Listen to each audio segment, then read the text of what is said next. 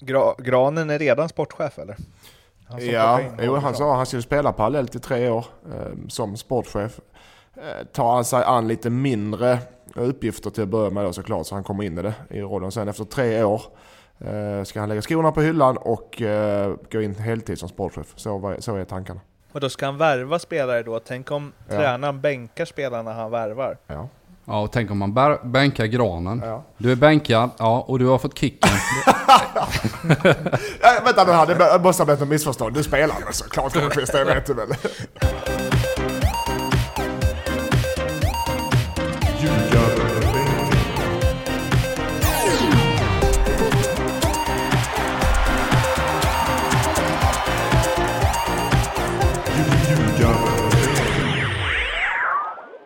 Ljugarbänken, NordicBet podcast om allsvenskan i fotboll är här med ett avsnittsnummer som jag inte riktigt... 87! Eh, har, 87, som en räddad ängel, Mattias Lindström. Mm. Eh, vi har ju liksom pratat lite off record här om eh, eh volleybollturneringen i Båstad, där du var stor stjärna. Jag är alltid en stor stjärna Mårten, det, det, är så. Men ja, vi pratade off record. nej, okay. nej, det var trevligt. Eh, jag försöker fortfarande hänga med och göra mig eh, och hänga med i kändissfären så länge jag kan fast jag är bara en, en för detta låtsasmänniska. Så försöker jag kravla mig fast. ja, som du försöker. Men och det lyckas ju tydligen. Det, men grejen är det, för Båstad är alltid lika trevligt, men eh, folk kommer att prata fotboll som alltid är lika trevligt. Men desto längre man har slutat spela fotboll, desto mindre kommer fram att prata HIF. Jag kom fram någon och pratade Tvååker, var jättekul. De flesta som kom fram och pratade ville prata, ville prata ljugarbänken. Ja. Och det är, det är ett tecken på att vi är stora. Ja. Och, och att vi börjar få hybris också. Sen, sa, sen ja. behöver jag inte säga vad de kan, sa. Kan, kan, nej, exakt. Kan det också vara ett tecken på eh, hur stor din karriär var? ja, men alltså... Ja, ja, men det, ja, det kan det ju såklart vara, men, men jag väljer att se det som att, eh, att allt, jag tar, allt jag tar i blir guld. Så väljer jag att se det. ja, okay. eh, Erik Edman, låt mig gissa att du aldrig någonsin har spelat eh, volleybollturneringen i Båstad? Nej, jag tror knappt ens jag har fått frågan. Möjligtvis något år där, men jag har så mycket civilkurage att jag inte tänker göra bort mig på en jävla beachvolleyplan där så förstår jag ju också att eh, huvudnumret är ju knappast turneringen utan det är ju den här banketten där alla eh, går helt bananas och har riktigt så, trevligt. Jag, jag ser farligt i den för första. Så Erik hade nog platsat i volleybollen för det är ingen hög kvalitet. Men däremot på kvällen så hade han inte platsat. Okay. Eh, så där hade en anledning till att inte bli bjuden. Jag, jag, jag, tänkte på en grej där. Din brorsa är med va? Ja, men han platsar överallt tydligen enligt honom själv. Ja, det är ju, snacka om så här. Cable guy. Där, ja. där, Cable guy ja. Där har han liksom verkligen fått ut något av din karriär. Ja. Det är liksom det, ja, det han det. får ut. Han, han var... får vara med på volleybollen i Båstad. Ja, och vet du vad han var med dagen innan då? Jag tror det var dagen innan. Då var han med och tränade med två Åkers IF. och han har faktiskt varit med och tränat med Ålborg det året vi vann guld också. okay. Ja, så han, ja, han är cable guy. Uh, uh, ja. På tal om det, på tal om det då, eller så varför tränar han med er? Det går ju svinbra. Ja, det går bra. Vi hade en dipp, men nu går det bra igen. Och nu har vi faktiskt en, nu har vi semester. Det är min första ledighet idag. Alla andra lag i världen har ju spelat, har haft uppehåll. Men Division 1 har spelat 17 omgångar. Så nu har vi ledigt och vi vann sista matchen mot Huskvarna med 2-1. I 94 minut gjorde Rasmus Andersson ett solonummer och tryckte dit 2-1. Du, är det två extra dagar ledigt eller? Till Rasmus? Eh, de fick pizza, öl i bussen hem. Eh, sen får de, så länge de vinner matcherna får de vara lediga hur länge de vill.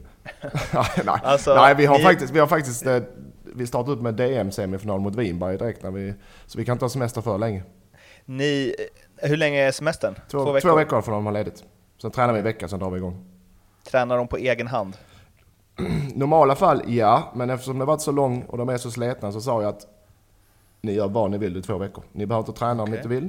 Rensa huvudena, rensa kroppen så vi har fulladdade batterier. Sen så tror jag att såklart att de ligger inte på soffan i två veckor det här vädret. Man är väl ute och badar och leker. Det kan räcka faktiskt. För att huvudena måste rensas. Det är det som är huvudsaken. Men Tvååker stormar mot eh, Superettan, eller? Nej, nej, nu ska jag... Ja, Erik, ta ner mig på jorden nu för fan så jag inte svävar iväg. Nej, nej, Erik, det, vi, ja. Erik, det är autobahn va? Ja, jag snackar om det här X2000. Freccia Rossa där som kör i 300 km i timmen rakt upp i superettan. Det finns ju ingenting annat nu alltså. Nej, allt annat är ett misslyckande. Klubben har gått under i eh, superettan. Så att, ja, nej. Men uh, nej, det, vi, nu, nu går det bra, det är jättekul. Men ja. där är... En match i taget. Nej, en match i taget. Det är andra lag i serien som också vill vinna. En, en cupfinal i taget, som man säger. Men frågan är ja, hur, hur det går för Eskil. Måste du fråga också Mårten. Ja, hur går det för Eskil? Erik? Det går bra, vi är jättenöjda och eh, tillfreds med vad, vad gruppen har presterat under våren. Sen hade vi en eh, sämre period här sista matcherna. Tycker ändå att det var helt okej okay här mot eh, Skövde senast. Vi får 2-2 ledare med 2-1 i 90 och så släpper vi in det. Men sätter vi 90 så var det väl kanske ganska rättvist resultat. Men vi är ju också väldigt tillfreds med, med hur eh, vårsäsongen har eh, utvecklat sig. Tycker killarna har gjort det skitbra faktiskt. Utefter förutsättningar och att man är nykomling och sådär. Så att, nej, vi är också nöjda. Hur var Gotia? Gotia var kul eh, och en häftig upplevelse. Så var jag, jobbade jag ju i köket där. Jag hämtade disk, eh, serverade frukost, eh, lunch och middag. Eh, bytte ja, bytte nya glas, sortera bestick. Här, här skulle vi ha det här alla din soundtracket ja. gåendes över. Ja. En helt ny värld. Jag hörde så, han, det verkar som han vill att vi ska berömma honom för att han gör normala sysslor. Han vet inte, han har aldrig gjort så här innan. Hämta helt Men, nya glas. Hämta va, vad hade det, glas. Hur är du som allt i allo då? Ja, jag, är, jag är grym där. Jag är riktigt jävla stark där. Kan jag torka bord och Ja, fylla på pizzasallad, eh, liksom allt möjligt. Jag snackar om allt i allo, blanda juice, fick göra allt alltså. Okej, okay, fan vad nice. Hur, hur, vad fick det för utväxling på... Eh, Kunde... Vilka var du där med? Eh, min grabbs gäng där, Högaborg. Med ålder? P05. Var bodde ni i gympasal då? Vi bodde, bodde du också? Jag, du jag bodde inte i gympasal. Nej, jag tänkte väl det. Gick det bra? Nej, det, vi hade det tufft alltså. faktiskt. Jag tycker killarna gjorde det bra, men vi hade det lite tufft eh, resultatmässigt där. Men eh, eh, får ändå vara nöjda tycker jag efter en, en eh, lång vecka där man skulle ta hand om skola också. Så det, var, det var tuffa bud. Det, det, får, ja. får, du skriva många autografer? Ah, det var några föräldrar som ville ta några kort där i matsalen med mina gummihandskar på kanske. Det var väl ungefär ja, det förstår jag. Det förstår Mest, fort, det är ni båda nu, mest kända från ljugarbänken. Ja, ja det, är, det, men det är Erik Eman, du vet Mårten, han, han tar över det här sakta men säkert. Alltså ja. snart, har vi, snart får vi börja på scratch igen och ha en egen ja. bänk för Mort, äh, Man ska det, sitta med de här Tutte Baluto och Lundkillarna och ha en egen eh, superpodd snart. Så sitter du och jag med tvååkerpodden där. Ja. ja. Uff, det blir kämpigt. Ja, eh, nu ska vi snacka allsvenskan. Det har spelats allsvensk fotboll sedan senaste avsnittet av Ljugarbänken kom ut. Och det som spelats är följande matcher. Ja, dels eh, Elfsborg-Bayern då, 0-0, som ju var efter, direkt efter förra avsnittet. Men sen också en full omgång där Örebro förlorade hemma mot Malmö FF med 2-1. Östersund vann komfortabelt mot Trelleborg med 4-1. Kalmar andra raka hemmaförlusten 0-2 mot Giffarna. AIK Stefanelli hattrick krossade BP med 5-1. Djurgården avgjorde i sista minuten 2-1 hemma mot BK Häcken. Sirius vände 0-2 till 3-2 mot IFK Göteborg efter bland annat två straffmål av Jesper Arvidsson som så gärna, så gärna vill ha den där vinflaskan. Hammarby Dalkurd 4-1 efter att Bayern gjorde fyra mål i första halvlek och IFK Norrköping vann med matchens enda mål hemma mot Elfsborg med 1-0. Och vi börjar väl vid AIK Brommapojkarna. Stefanelli har fått sitta mycket på bänk och inte gnällt någonting, får chansen, smäller dit tre baljor, riktiga klassmål, hans touch tycker jag är helt underbar i de där lägena när han eh, skapar sig målchanser och AIK i Seb Larssons debutmatch, han fixade straff, bara öser på. Man tänkte, nu darrar de lite när, när Brommapojkarna gjorde 1-0. Icke då. He superövertygande och otroligt, det var en maskin som bara, de kommer igång eh, jämt. Man vet liksom att det, alla de spelarna kommer inte underprestera. Nej, BP är för dåliga för att störa AIK på Friends. Eh, nu gjorde de ändå ett mål där i början och fick dem såklart, eller fick matchen dit de ville och kunna ligga och lura. Men de är, de är för dåliga. Eh, ja, 11 mot 11 för att kunna störa AIK. Och sen tror jag ju också att det här målet, om man pratar Stefanelli, jag tror det här målet han fick göra mot Shamrock där lyfte honom otroligt mycket och fick eh, ja, ett ok att, att eh, lossa på hans axlar. Man ser ju första målet där när han spelar fram Henok som sen klackar väldigt vackert och bara petar in den så är det 1-1 där och sen så direkt efter paus i stort sett 45 sekunder senare så, så växelspelar han återigen och sen har han ett skottläge tar den en touch in och sen bara lägger han in 2-1 och sen var det ju game over där. Det var ju ja, spel mot ett mål kan man väl nästan säga hela andra halvlek. Jag måste bara, vi har hyllat nykomlingar mycket i den här podden, kanske framförallt förra året i och för sig, men ändå. Nu såg jag bara stötvis från både AIK, Brommapojkarna och Hammarby Dalkurd. Men framförallt i så här uppspelen och när bollen är i backlinjen, alltså otroligt dåliga Dalkurd och BP är där. Sanslöst. Alltså, de slår ju bort, det är ju liksom Saudiarabien mot, eh, i öppningsmatchen mot Ryssland, fast knappt ens det. Ja, nej men det, det har ju såklart inte bara med BP och Dalkurd att för om du hade sagt förra året när de spelade Superettan så var det tvärtom. Då spelade de ut sina motståndare eh, bakifrån och hela vägen från mål till mål. Nu har du motståndare som har en helt annan pressspel och, och, och stör dem på ett annat sätt. Men ja, det är för dålig kvalitet. För dåligt tempo, för många touch, för dålig rörelse. Ska du spela bakifrån och spela bort motståndaren så måste du ha tempo. För annars kan du bara flytta så motståndaren ligga och vänta och klippa den när det, är en dålig touch. Så ja, det är alldeles för dålig kvalitet i, i grunderna. Det, det, man ska komma ihåg med BP är att de har ett sämre lag i Allsvenskan än vad de hade i Superettan. De har blivit av med väldigt mycket bra spelare som, som någonstans tog dem upp. Jag tror att de hade varit bättre tabellmässigt med det laget de hade i fjol än det de har fått in i år. Det tror jag också, men ja. Men är det inte lite att båda de ändå försöker spela så som de gjorde i Superettan, men de har inte kvaliteterna till det helt enkelt? Alltså, så. Vissa av de passningarna när de blir stressade, det är, det är ju Nej, men alternativ, Alternativet Mårten, det är ju eviga diskussioner kring hur man spelar fotboll. Det är klart att när du går upp en serie så är alla, alla du möter bättre såklart. Va? Men mm. alternativet de, de har att göra det är att börja dynga längre och ligga rätt. Och, och då har de ju helt fel spelartyper. Så att de måste ju fortsätta göra det de gör. Men de kommer ju fortsätta göra de här misstagen också när de ger bort boll i uppspelsfas. Och så är man väldigt öppna som lag och, och kommer släppa in mål. Men alternativet är ännu sämre skulle jag vilja säga. Så att man måste fortsätta och våga tro. Så får man väl hoppas för BP's del att man lyckas eh, fixa en kvalplats och så fixa kvalet och sen så då bygga inför nästa år igen. Och man får liksom erfarenhet och, och eh, ja, en större trygghet. Frågan är, hade BP som klubb inte mått bättre av att spela Superettan? Jag vet inte, men eh, det känns som att det sliter som en sån klubb som BP som hoppar upp och ner från lite från år till år det sliter för mycket i längden. Både på spelaromsättning men även ekonomiskt och på publiken. Jag säger inte att jag vill att BP äh, vill att de ska trilla ner, men jag tror i längden så kanske det är bättre för dem. Det känns väl som en förening som har svårt att ta det, alltså de fostrar ju massor med talanger, men det känns som de har svårt att, att ta det steget att liksom så pass många ska stanna så pass länge så att de kan etablera sig det blir ju aldrig det. Nej, nej, nej ex exakt. Alltid, jag, jag tror också det är just om, om du vill slussa in egna spelare också så är ju Superettan en mer behaglig nivå. Kan du då blanda det med de här Marcus Gustafsson och lite etablerade spelare som står för någon form av trygghet och kontinuitet och sen trycka in dina juniorer så är Superettan en bättre plattform.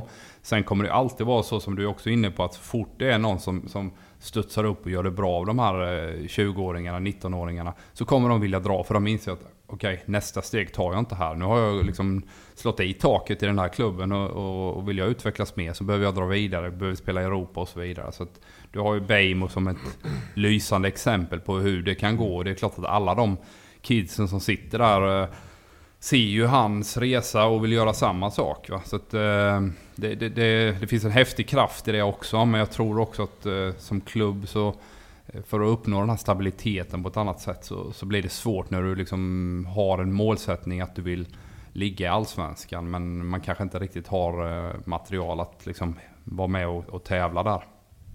Måste eh, en grej om, alltså det är, det är lätt att hylla Björn Westström i AIK där, om vi skiftar fokus till dem, för jag menar att han lyckas ro i hamn Sebastian Larsson till exempel, han plockar hem Panos nu som är väl i och för sig har en liten startsträcka och så vidare. Um, men först Robin Jansson, Oddevold och nu Rashidi från Dalkurds bänk. Och båda går in och är liksom riktigt, riktigt bra allsvenska spelare. Det är ju eh, bara smyga in en guldstjärna där till AIK scouting. Ja, nej, det är imponerande och det, det, det är det som jag har sagt många gånger, det är det jag använder som motivation för mina spelare. Mm. på att eh, man kan gå direkt från eh, division 1 rakt in i Sveriges största klubb och, och prestera. Men ja, absolut, det är jättebra scouting. Och sen är det för de svenska klubbarna, även för klubb som AIK som är bland de största. Eh, du har inte råd med för många felvarvningar utan du måste scouta ordentligt. Även om det är division 1-spelare du tar så, och det kostar pengar. Och det, för du tar in nya spelare, det betyder att de spelare som är där, befintliga spelare, ja vad händer med dem då? Du kan inte ha en trupp på 30 man heller. Och inte nog med att du ska vara bra fotbollsspelare, du ska passa in i kulturen, du ska passa in i spelsystemet, eh, du ska klara pressen som eh, innebär i AIK. Så att ja, det ligger mycket kraft bakom de varvningarna och mycket, och mycket jobb. Så det har slått väl ut. Eh, vi har ju tjatat om hur bra AIK är i flera program nu, så jag ska hoppa vidare och hoppa då till BP's bottenkonkurrent Dalkurd, som väl är kanske det sämsta laget jag har sett i Allsvenskan på eh, bra länge, även om de har haft sina glimtar eh, under eh, våren.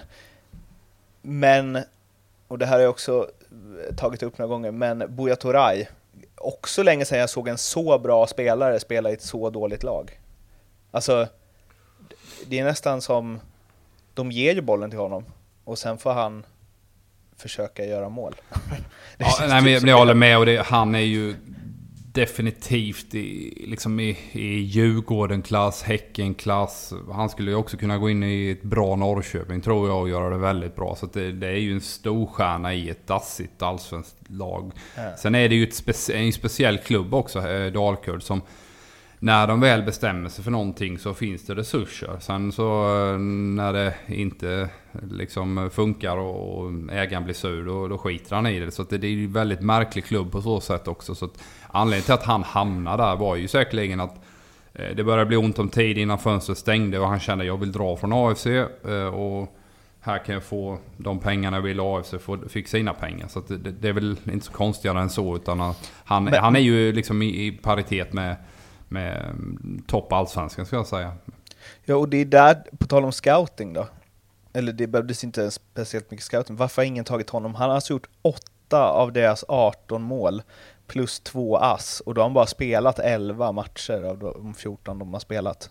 Det är ju... Ja, det, är sjukt, alltså, det är ett sjukt snitt. Eller sjukt, uh, släng in ja. honom i MFF liksom. Ja men, så, ja, ja men där har du men där har du det jag pratar lite om att ja, en bra spelare, och jag tycker också han är duktig. Och ett jäkla snitt. Men det ska mer, fler parametrar än bara en bra fotbollsspelare. Att ska komma in i en grupp och ett lag och en kultur och en klubb. Jag tror han passar bra i Dalkurd. Han verkar passa jättebra i Dalkurd. Hade han passat i AIK? Mm, tveksamt. Hade han passat i Malmö just nu med Rössler? Också tveksamt.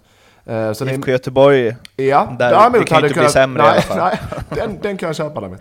Men, så det, det, jag tror nog de, alla klubbar har ju, alla klubbar Allsvenskan har ju såklart koll på honom. Och, mm. och annars är det tjänstefel, det är jag övertygad om. Men det, betyder, det behöver inte betyda succé bara för att man gör mål i ett lag. Den här, eh, den här utfallen med 5-1 till AIK mot BP och eh, 4-1 till eh, Bayern mot Dalkurd. Ehm, alltså man vill ju gärna säga, oh, AIK håller kvar formen, Bayern eh, studsar tillbaka och är liksom med i guldracet i allra högsta grad och har inte alls eh, börjat tappa. Men jag tycker att både Dalkurd och BP är för dåliga för att man ska kunna dra någon som helst växel av ja, de nej, två nej, segrarna. Det är de. Uh, nu pratar jag till Erik. Det är de, men uh, de matcherna ska vinnas. Mm. De ska vinnas och det är, bara, det är klasskillnader i matcherna men de ska vinnas ändå. Framförallt Hammarbys första halvlek går där de dödar matchen direkt och sen blir det lite som, tror han sa själv, Billborn lite High Chaparral i andra halvlek. Man springer Lattjo Lajban. Lattjo Lajban sa han. Och det... Händ, kan hända. Eh, man vill inte se det som tränare, men det kan hända att det blir lite så. För att det är, det är sån jäkla klasskillnad på de här lagen nu. Eh, att det kan lätt bli att, okej, okay, vi är lite snälla mot Det är så mycket du, Mattias de här matcherna ska vinnas. Ja men det, så är det. Ja men, ja, men det, det, det låter ju, det, det låter skittråkigt. Okej, Hammarby ja. möter Dalkurd hemma, AIK möter BP men, hemma. Ja. Men tappar de, de matcherna, vinna. om de förlorar de matcherna, ja, då kommer de aldrig vinna guld för fan. Så att ja, eh, de ska vinna, så det gjorde de. Prickfritt. Ingen jävla Lattjo Nej, ingen jävla Lattjo Lajban. Inte om du ska vinna guld, då får du spela något annat jävla lag då. uh, och sen så, vi har ju eh, fler matcher än Stockholmslagen, eller vi har ett Stockholmslag till framförallt. Djurgården avgjorde i sista minuten mot eh, Häcken. Här finns det ju en del att eh, snacka om. Dels att Djurgården eh, avgör så i slutet, viktigt för dem, men kanske framförallt vad eh, ja, vi, kan, vi, vi, drar, vi drar, vi bara tar upp det nu. Jonas Olsson strypgrepp, eh, Andreas Alms intervju där han eh, flippade lite efteråt. Eh, om vi börjar med Jonas Olssons uppförande, eh, eller så här, superrött kort. Ja, man kan inte... Han, han kramar ju inte om Jeremejeff när han tar strypgreppet. Men det ser ju bedrövligt ut såklart. Och det är ju såklart rätt. När jag sitter och tittar matchen så upplevde jag att Jonas Olsson var riktigt irriterad hela, hela andra halvlek i stort sett. Där han smäller på ganska sen in i vissa situationer. Så att han borde ju åkt ut kanske tidigare också. Får, får jag testa? Jag måste bara... Innan. Ja. Jag måste bara fråga en grej där. När han tar strypgreppet, precis innan så liksom slår han ju till Jeremejeff i ansiktet typ, eller så på axeln. Alltså ganska, du vet, som att det ska se ut som att han bara slänger med armen, men det är ju superutstuderat att det ska bli en smäll liksom. Och han gjorde så någon annan gång också när han sprang förbi och slängde upp armbågen liksom i ansiktet. Eh, när bollen inte, alltså när den var, antingen var den inte i spel eller så var den långt. Alltså båda, jag tycker liksom redan där är det minst två gula. Ja. Alltså han gör massa alltså, sådana konstiga grejer. Jonas, han, eh, han är ful, otroligt ful, han är otroligt ful spelare. Det är han, och det vet han, ja, men det vet han om. Han är en duktig spelare, men han, han var det redan när han spelade Landskrona Boys på den tiden. Uh, och det är sådana här, en grej man smäller på i köttar, men sådana här grejer när han springer runt och tar strypgrepp och slår folk i ansiktet och liknande, det, det är inte okej. Okay. Strypgrepp är som sagt, han såklart han inte ströp honom ordentligt. Men det ser illa ut och det är såklart rött, det är inget att diskutera. Ja, hur, och då måste jag, det ska ju inte ni svara på, det ska ju en domare svara på. Men hur kan det inte vara rött kort? Alla ser ju det. Ja, nej, men det är ju en jätteblunder av domaren, ingenting eh, annat. Utan det är klart att det är såklart rött. Man kan inte gå runt och liksom ta ett strypgrepp på folk eh, i en allsvensk fotbollsmatch. Eh, såklart Någon fotbollsmatch. Men har, du kan inte revidera det som domare efterhand, det går inte. Som nu ser jag Gerzik fick, eh, man kan ju förlänga straffen, avstängning. Man kan inte gå in i efterhand och kan man det? Vet ni det? Och ge ett rött Nej, det är ju det vi har diskuterat innan och det är ju en grej som, som man kände under VM här med VAR att eh, det blev... Eh, många gånger blir det väldigt bra med VAR men det här med förstärkningar och filmningar och sådana grejer det, det eskalerar ju något fruktansvärt och det är ju någonting som man känner eh, att man borde kunna gå in och efterbestraffa. Ja, men i disciplinnämnden såklart, de måste välja sina strider så att säga. Men sån här grej kan man tycka att okej, okay, i efterhand så går vi in och ger honom tre matcher. Om vi, om vi går på, liksom, om ni får spola tillbaks till hela spelarkarriären, när man har en spelare som beter sig, och dessutom en kapten som beter sig som Jonas Olsson gör, eller vad, gör, vad ger det till gruppen liksom? För att någonstans här, skulle säga fyra gånger mot Häcken så riskerar han rött liksom. Ja, I det, helt onödiga lägen. Ja, och så länge han balanserar på gränsen så är det förmodligen positivt för, för Djurgården. Så länge han inte åker på de här röda korten så, så skrämmer han ju motståndare på olika sätt med sin fysiska närvaro och att han spelar väldigt tufft och aggressivt. Så jag tror att det är positivt eh, så länge han kan ligga på den här positiva gränsen då så inte det renderar röda kort. Så du har ju, om du kommer ihåg Andreas Augustsson i Elfsborg mm. så var han ju en liknande spelartyp. Han var helt galen. Alltså Andreas, jag spelade med honom i, i HIFs eh, U-lag ett tag va? och på träningarna där. Jag tänkte det, alltså det, det, det är benbrott var och varannan träning. Och han hade ju, han var världens lugnaste utanför och sen så var så fort han steg på planen blev han helt galen. Och jag, jag kände samma sak här med Jonas Olsson. Han blev helt tokig så fort han spelar fotbollsmatcher. Ja, och det har han alltid ha, varit. Har ni varit, eh, alltså det finns ju intressant, har ni någonsin varit rädda för en motståndare?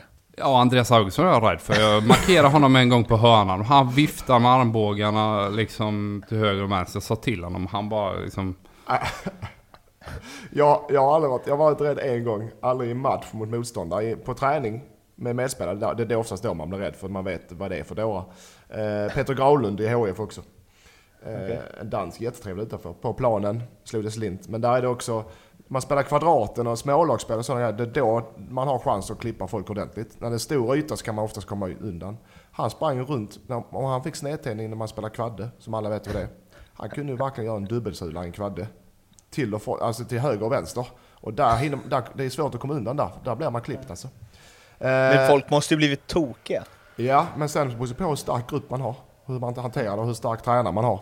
Sådana spelare, låter man dem hålla sig, eller hållas, då, då, då får man inte stopp på dem. Han försvann från klubben ganska snabbt ja. Okej. Okay. Det lär ju inte Jonas Olsson göra från eh, Djurgården, men eh, Andreas Alm i en intervju efteråt, det var snack om att han jag, jag har sett hela intervjun, inte bara det utklippta med Alm. Och det han menar är förstås att han markerar att liksom, ja, men det, ett strypgrepp, gör man det hårdare så dödar man ju en person. Eh, och det är väl det som så här, vad det är för signal Jonas Olsson sänder ut när han gör en sån grej. Men eh, Andreas Alm, ja, stridens hetta i och för sig. Men han uttrycker sig ju lite småklumpigt kan man ju säga. Ja, och sen tror jag det kanske var lite strategiskt smart av Andreas Alm också att få bort fokus från eh, ytterligare en Häckenförlust här liksom. Eh, nu la man Eh, Tror du att det var strålkastarljuset på, på Djurgården och Jonas Olsson och, och någonstans glöms nästan Häckens förlust. Ja. Även om det var en jämn match och det, de gör ingen dålig match Häcken där. Men, men, du, men de förlorar återigen. Nu ska vi inte bråka det avsnittet Erik, men det spelar ingen roll om det är jämn match. Du måste vinna matchen till slut också. Skitsamma. Uh, men Alm är väl gammal journalist, är inte det Mårten? Eller journalistutbildning, ja. Så han vet nu, det kan mycket väl vara medvetet att ta bort fokus från hans jobb, så att säga. Han, fram, han framstår lite stollig för att slippa kritik för sitt jobb helt enkelt. Om han är så beräknelig, det vet jag inte, men kunde varit det. Ja, då är det ju superskickligt. Ja. Men han lurar inte ljugarbänken. Nej, det gör man jävlar alltså inte kan jag säga. plats. Är, vi får inga böter om vi svär va? Vi kan svära hur mycket vi vill. Ja, svär på. Ja. De ligger alltså på tionde plats, de har gjort 21 mål på 14 matcher med en offensiv som är tillhör allsvenskans bästa. Fem av dem var i samma match mot Elfsborg. Ja visst, det, så kan man ju hålla på och vända och vrida i all evighet, men ändå eh, värt att uppmärksamma. Och eh, med en av allsvenskans bästa ekonomier, med en spelartrupp som jag tycker borde ligga i toppen av allsvenskan, och som ju Micke Stare faktiskt eh, höll i toppen av allsvenskan, eh, så eh, ligger de alltså, och han sa det ju själv, nu får vi släppa toppen och börja se till att hålla undan för botten. Eh, stort misslyckande i mina ögon. Ja, definitivt. Eh, det finns otroligt mycket bra fotbollsspelare i den här truppen. Eh, sen tycker jag ändå inte de har en elva som är eh, toppklass, utan jag tycker det är en 6-7 jäkligt bra allsvenska spelare. Men det, det, finns en del svarta fläckar i den där elvan som gör att de orkar inte leverera match ut och match in. Som exempelvis Hammarby gör nu, som Malmö gör och som, som AIK också gör och Norrköping. Jag skulle säga att förutom Malmö som ju är utom tävlan i den kategorin så är ju Häcken det laget som har floppat hårdast i Allsvenskan i år. Eller? Ja, Elfsborg och Göteborg absolut. tycker jag ligger ungefär där man kan förvänta sig. Ja. Nej, men med Häcken, häcken med deras... Jag trodde de skulle eh, utmana i toppen alltså.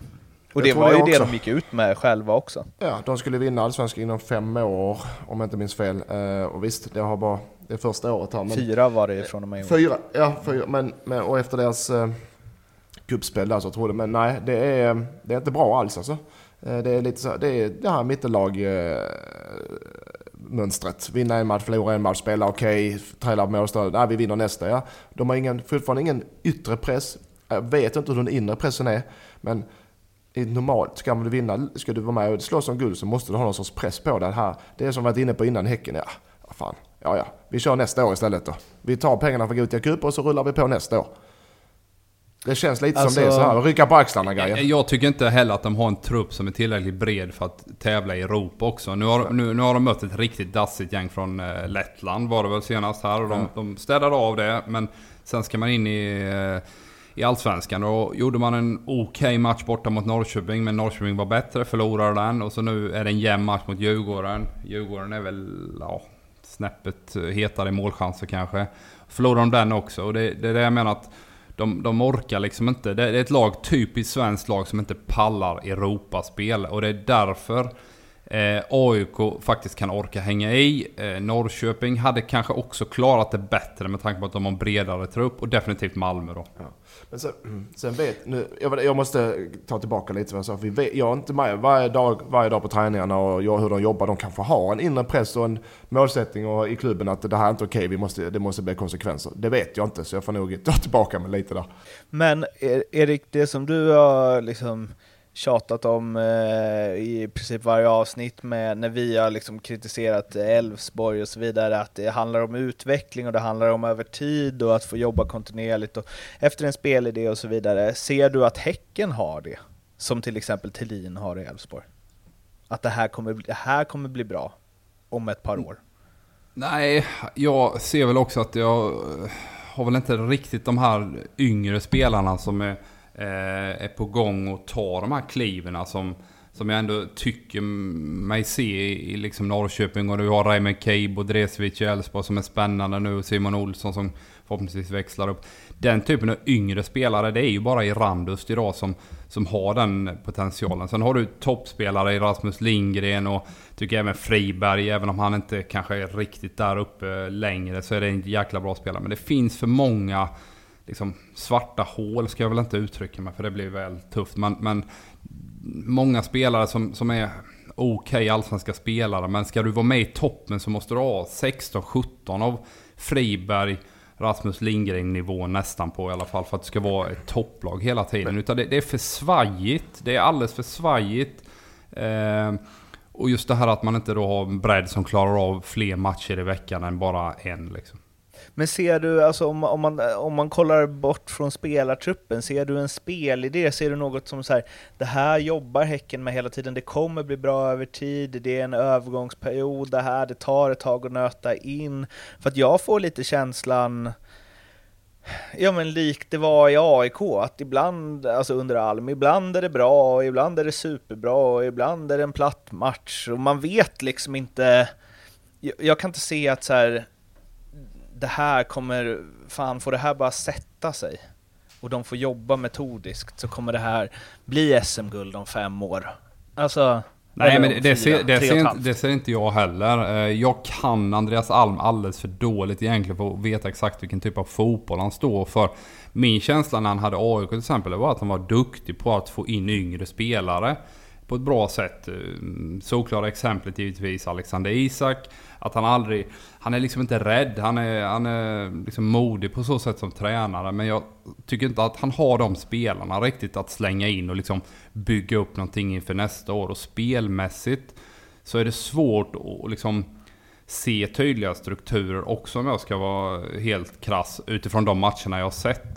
Det är klart att det finns ju givetvis eh, principer de jobbar efter men, men idag kan jag inte riktigt se vad de vill åt.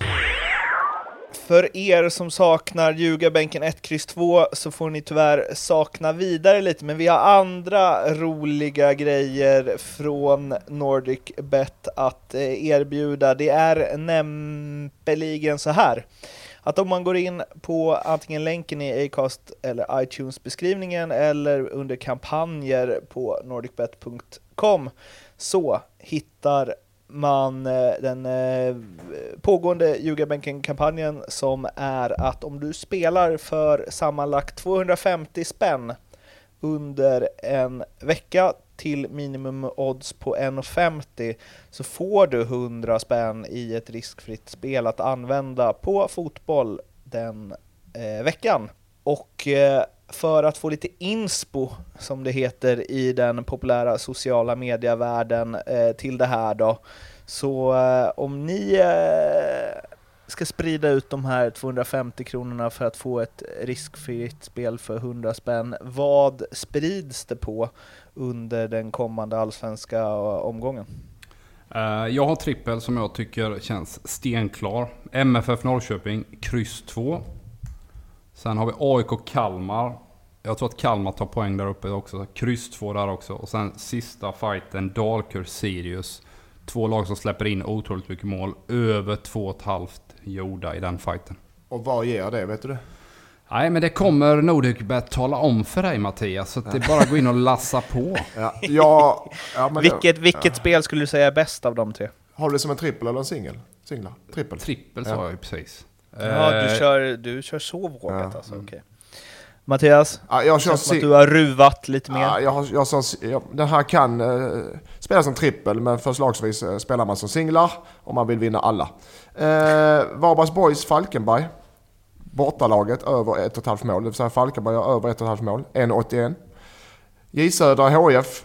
HF får alltså 1,64 på pengarna tillbaka vid oavgjort. Taget. De förlorar inte den matchen. Malmö-Norrköping, Malmö vinner till 1,80. Malmö vinner, de vet att det är sista chansen för dem. Sista halmstråt och förlorar de den så är Europaspelet borta för nästa år. Så Malmö vinner den. Hur fördelar du de 250 där då? Ja, dela det på tre Mårten. Eller det kan man spela som en trippel. Ja. Men, eh, lika, men om, det, om det är någon man ska in hårdare på så hade jag lagt det på, eh, på att uh, Falkenberg har över ett och ett halvt mål mot Varbergs Boys. Där hör ni. In på NordicBet under kampanjer och eh, rygga Lindström och Ledman om ni tycker att det där lät vettigt. Annars finns det förstås massa annan fotboll att spela på. Mina tips besparar jag er för allas bästa. En Göteborgs kollega som har det kämpigt och där det vi varit inne och svingat tidigare, IFK Göteborg leder 2-0 borta mot Sirius, förlorar med 3-2 efter två straffmål, bland annat av Jesper Arvidsson. Och eh, domaren fick sig en rejäl känga i den matchen, vad jag såg på Twitter. Det var Östes eh, kritik mot honom, det var väl Alakim tror jag, som dömde den. Ja. Och eh, ja, det jag vet inte, vi ska inte fastna för länge i det, men det, det finns liksom inget slut på IFK Göteborgs. Nej. Eh, men nu, nu, nu ska vi vara, har vi varit, vi är inne mycket på Göteborg eftersom det är en så stor klubb. Men då har du eh, BP, Dalkurd, Sirius, Trelleborg som bollplank. Så de kommer, så som alla säger, aldrig. Men jag har väldigt svårt att säga att de trillar ut och blir inblandade i någon kvalplats. För då är för många bollplank. Men mycket mer än så som de presterar nu så tror jag inte de kommer göra heller. De kommer ligga, de kommer bli mellan 8 och, och eh, 12, 13. Det, det, det, det, där, det är den kapaciteten de har i laget och i truppen. Två eh, saker som har sagts om IFK Göteborg. Dels eh, såg jag att eh, Marcus Vulkan eh, var ute och twittrade om eh, någon intervju där med Mats Gren där han sa att de hade haft otur i form av värvningar. Eh, att, ja, eller otur att värvningar inte blivit av. Då skrev Vulkan, är det här verkligen värdigt en klubb som IFK Göteborg? Um, och det är ju någonstans, uh, fan vi är tuffa mot gren liksom, men jag tycker att det finns ingen, finns fan ingen botten där för att han har haft flera år på sig nu att bygga det här laget. Visst, tuff ekonomi och så vidare och så vidare. Man värvar ju spelare som varken gör till eller från egentligen. Och man kan liksom inte som sportchef gå ut och gnälla på att man haft otur, att man har velat att någon spelare ska provspela, men sen har den spelaren fått ett kontrakt av en annan klubb och då tackat nej till provspel förstås. Alltså det handlar ju inte om otur, det handlar ju om att man har fel arbetssätt i sådana fall. Uh, min, min, känsla är att det cirkulerar otroligt mycket rykten kring eh, Blåvitt alltid med spelare in och ut den typen av, av liksom, eh, cirkus måste få ett slut, tror jag. För att eh, man är i en situation eh, som är väldigt tuff och det man absolut inte då behöver ha är en massa transfersurr. Vi tycker det är skitkul i media. Eh, fansen tycker det är superroligt när det händer grejer. Ja men han, kan han vara aktuell? Kan den komma? Ska han dra? Alltså att det blir liksom en, en bass kring de bitarna. Men för spelargruppen här och nu så måste den typen av ryktespridning få ett slut. Eh, att fönstershoppa liksom på den ena eh, spelaren efter den andra är inte bra för spelartruppen. För det stör dem, det blir ett stresspåslag. Okej, ska han komma nu? Vad händer med mig? Alla de här bitarna. Så att den typen av, av, av, av eh, saker måste Blåvitt ta tag i. Att det blir ett stopp på ryktespridningar på olika sätt. För att inte påverka spelartruppen negativt. Eh, för jag tror att, att, som Mattias är inne på, det här laget är tillräckligt bra för att stanna i serien. Men man behöver få, få, få lugn och ro och jobba med sina saker. Poja måste fortsätta trycka på, på sitt sätt att vilja spela fotboll. Man har bestämt sig för att man ska ändra riktning.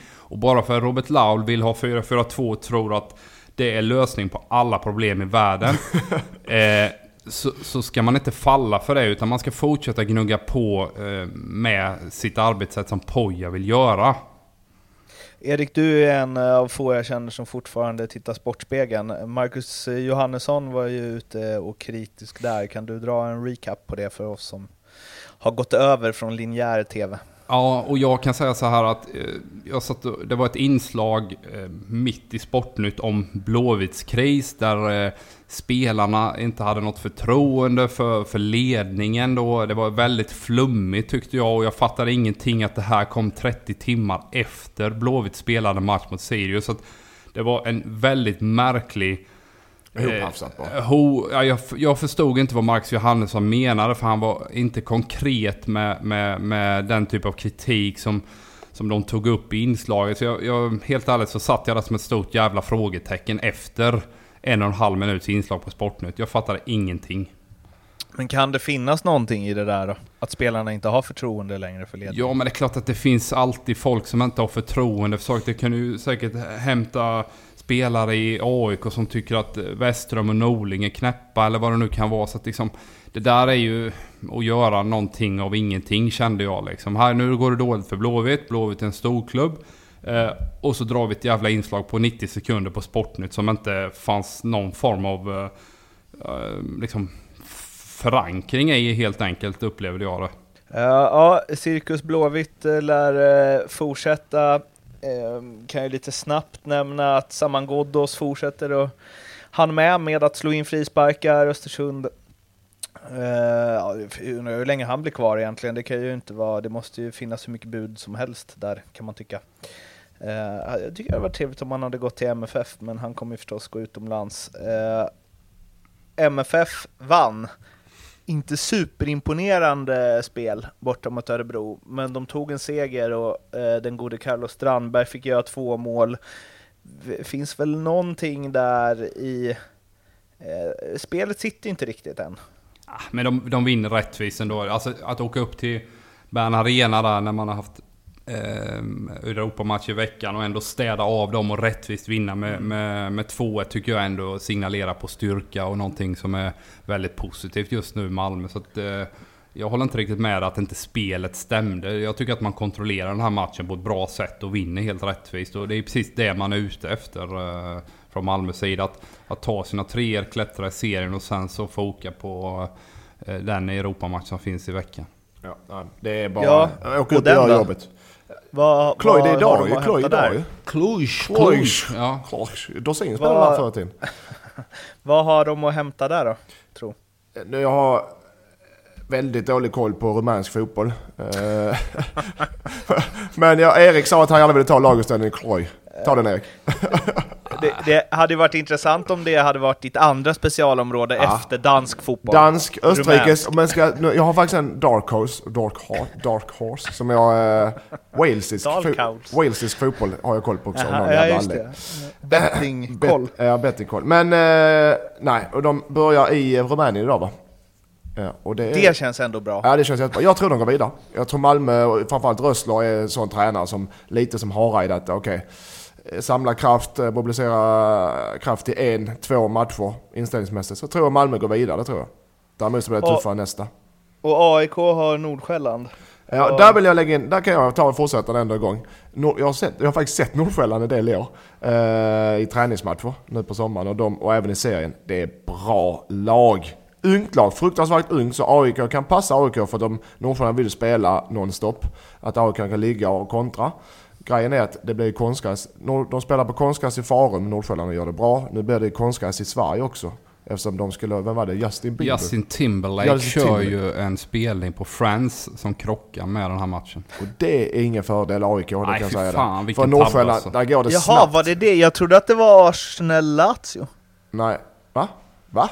Som, Nej, jag har läst klockar. att det är Justin Timberlake som ska till Stockholm okay. och köra en spelning och då lägger man den här Europamatchen på Friends, eller förlåt på, på Tele2, vilket är jättenegativt för ja. AIK med tanke på eh, Nordsjällands sätt att spela.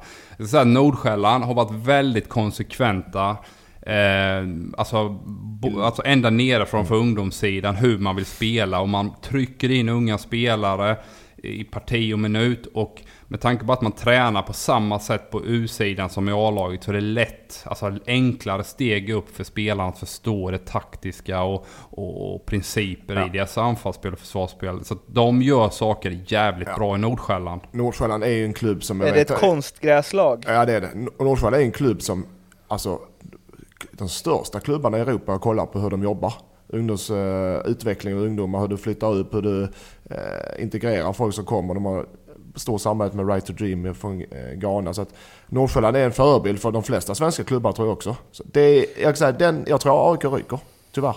Men när man, när man hamnar i det läget då, att man ska spela på en borta, alltså Tele2, visst AIK har gjort bra resultat på Tele2 och så, men som Björn Westrum sa, det är inte deras hemmaarena. Alltså det måste ju vara piss. Ja det är skit, det är värdelöst. Och det är så mycket pengar som står på spel.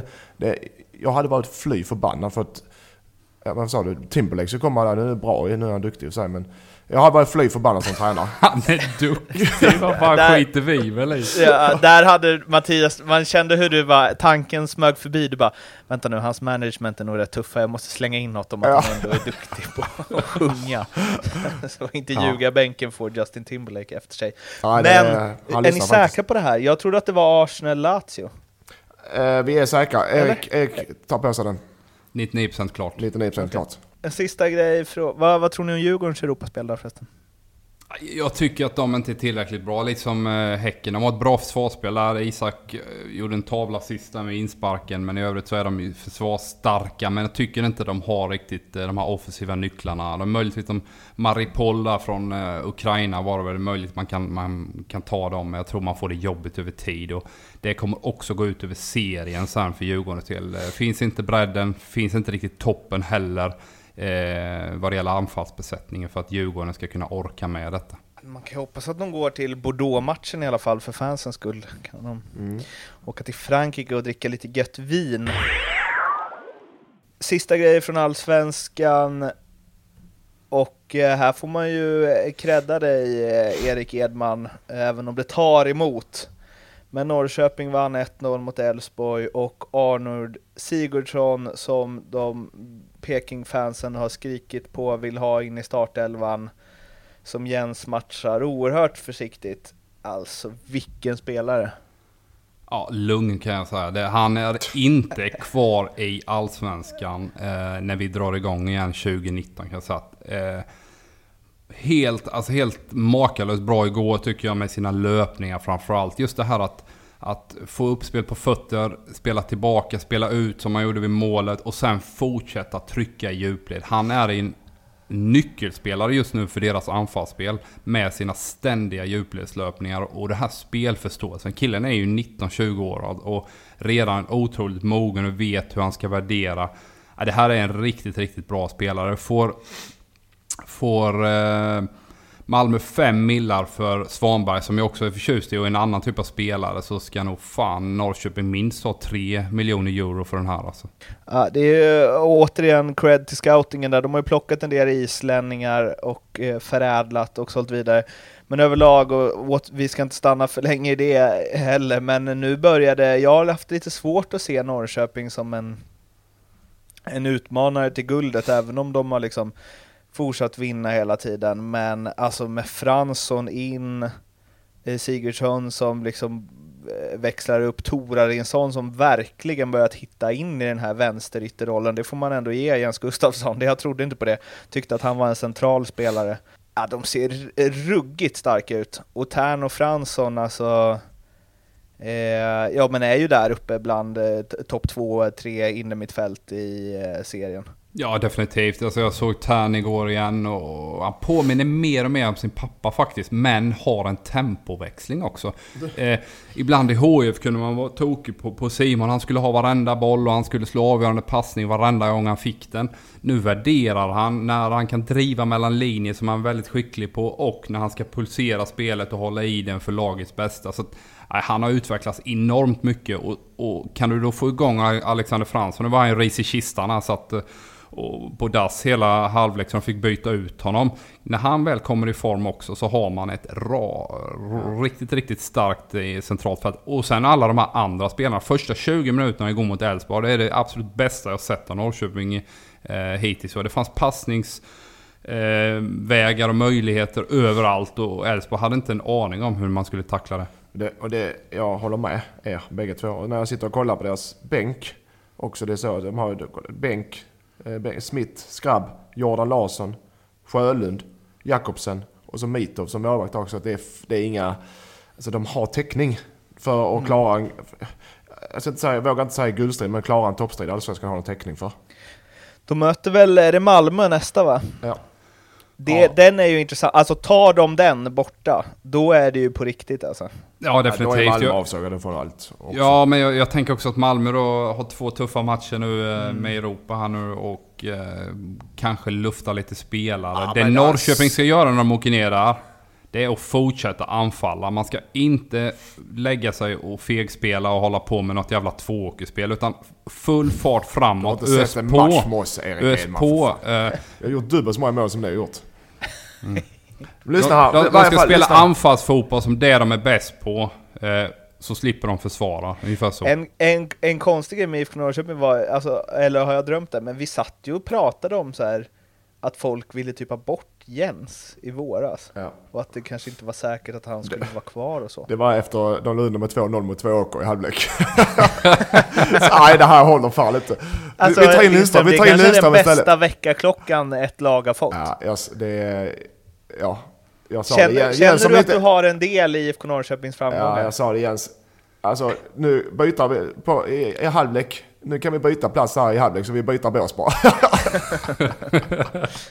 nej, men det, är så, nej, det, det, det, är återigen min tes att håll ut. Eh, att, att liksom... Att göra en förändring är också att liksom hantera en kris. Det är inte bara alltid att man ska flytta bort den gubben som, som styr och ställer. Utan man, man måste fan tro på någonting och så fortsätter man att köra. Och över tid blir det ofta bättre än att göra en förändring. De Men har, det, har de ens, det är ju det som är det konstiga, förutom att de låg under mot två åker, har de ens haft någon kris? Ah, de har ju fan legat i toppen hela säsongen. Jo, men de var ju spelmässigt var de ju inte Nej, på topp under våren. De plockade en del segrar, men de torskade ju till exempel mot Trelleborg hemma och den där matchen skulle de vunnit sett i spelet. Men, men de torskade ändå mot Trelleborg och det är klart att fansen börjar ju liksom misströsta och tycka att uh, um, ta in något annat för det är roligare, ungefär så. Va? Men när man härdar ut och, och liksom går igenom en kris så, så, utvecklas man ju som grupp också. Det är det, man, man får inte glömma det att liksom, alla snackar om tålamod men det är aldrig någon som, som är villig att liksom bida sin tid i motgång. Det, fan, det är det också som utvecklar den här gruppen i Norrköping. Nu har man varit igenom tuffa perioder, alltså semituffa perioder. Inte som i AIK och Malmö kanske såklart med det trycket som finns där. Men man har ändå varit igenom lite tuffare perioder. Det är inte alltid har kuggat i och men ändå gnuggat vidare. Och nu ser man ju hur, hur liksom spelare efter spelare tar kliv. Liksom. Det är inte bara de här unga med Sigurdsson då, utan även Torarinsson. Alltså en makalös isländsk eh, vänstersida där med Fjolesson också. Och sen har du andra spelare som är duktiga. Och då har man ändå inte fått igång Kalle Holmberg som var eh, skit, eh, jättehet förra året. Liksom. Ett lag där tålamodet inte kommer vara så mycket längre än 2018 ut. Helsingborg. Nu är Granen på plats. Rasmus Jönsson är på plats. Vi har sagt det tidigare, det bästa superettanlaget som funnits kanske. Eh, nu dammsugs det här utanför också eh, och det är väl tanken att det är det de ska göra. Resterande, de ska väl dammsuga ihop alla, eh, vad blir det, 45 poäng som är kvar att spela om i eh, superettan. Eh, de ligger just nu på andra plats, två poäng efter Falkenberg, tre poäng ner till kvalplats, Halmstad fyra poäng ner till AFC som ligger precis under kvalstrecket uppåt till allsvenskan. Eh, de eh, måste ju, måste, måste ju gå upp.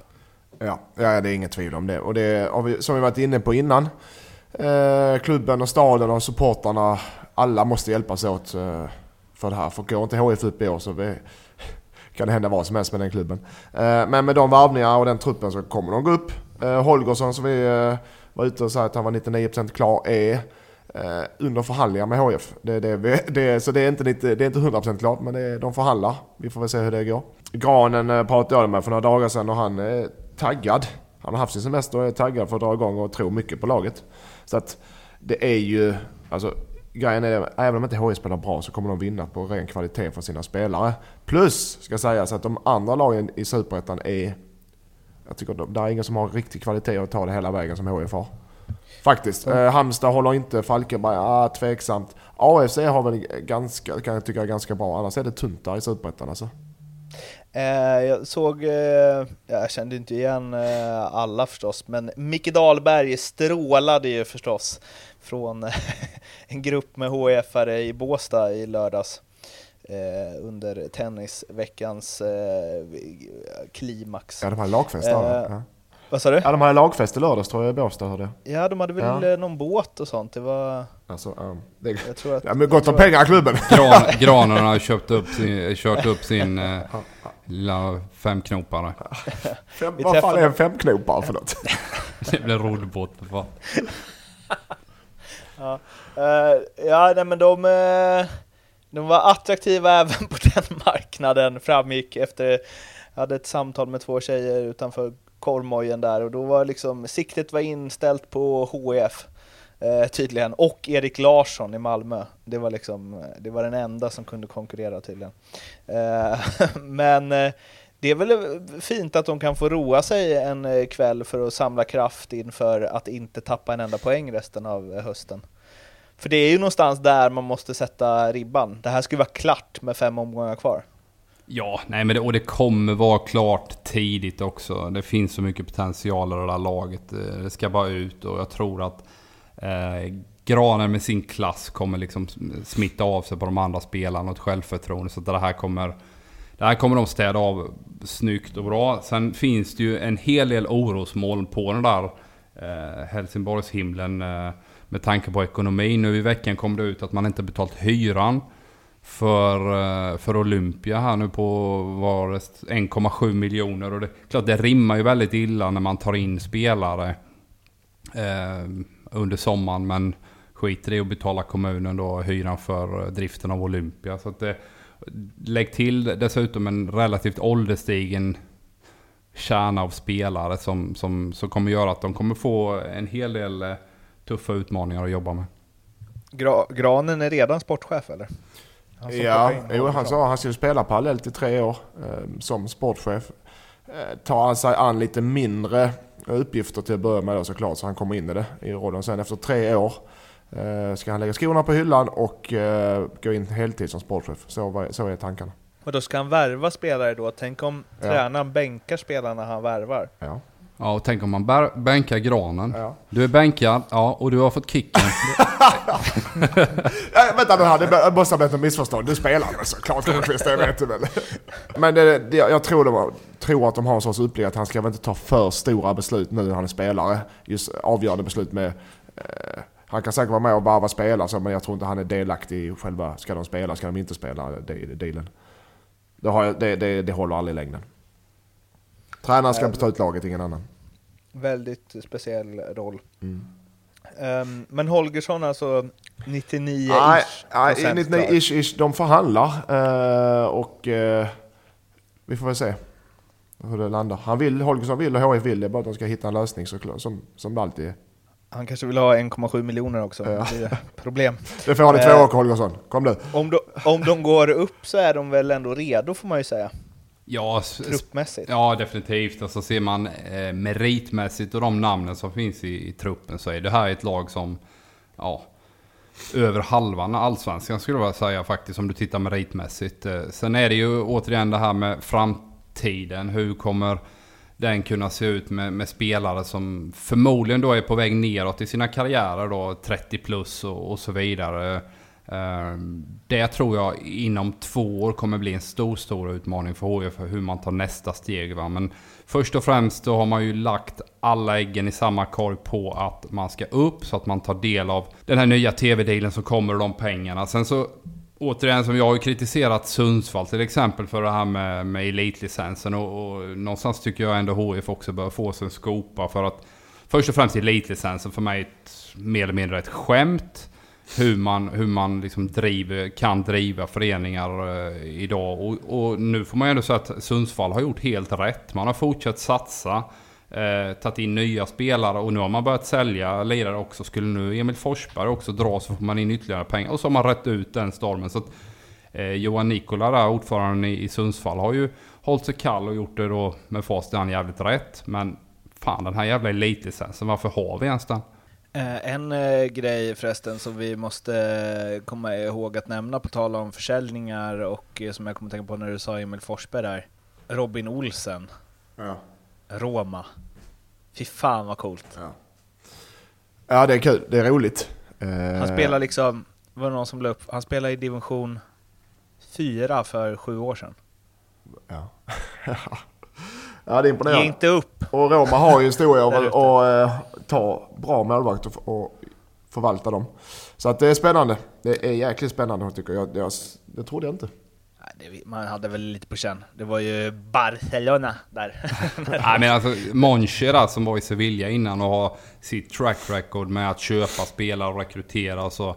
Eh, att han är ute efter en svensk målvakt, det säger någonting också tycker jag. Att, att Robin Olsson har tagit superstora kliv och man tar honom också för att spela och man tror att han kan bli ännu bättre. Uh, nej, grymt häftigt. Han eh, värvade ju Allison från International för två år sedan för 75 miljoner och såldes nu till Liverpool för 750 miljoner. Mm. Eh, det vore något för Monchi, det vore något för HF alltså, ja. får man ändå säga. Det är bara eh, blicka ut mot den eviga staden och plocka in en sportchef tills granen är redo. Det var vad vi hade den här veckan och ni vet att ni når oss på Twitter, på Instagram, på Facebook um, och sånt där. Och sen så vore det ju förstås himla, himla trevligt ifall ni vill uh, prenumerera på iTunes, Acast, så att ni inte missar framtida avsnitt av Ljugarbänken. Vi hörs igen nästa vecka, då får vi ta ner lite Europakval och uh, mer Eh, eller den kommande allsvenska omgången förstås. Tills dess, ha det fint. Hej då! Hej då! Hej hej!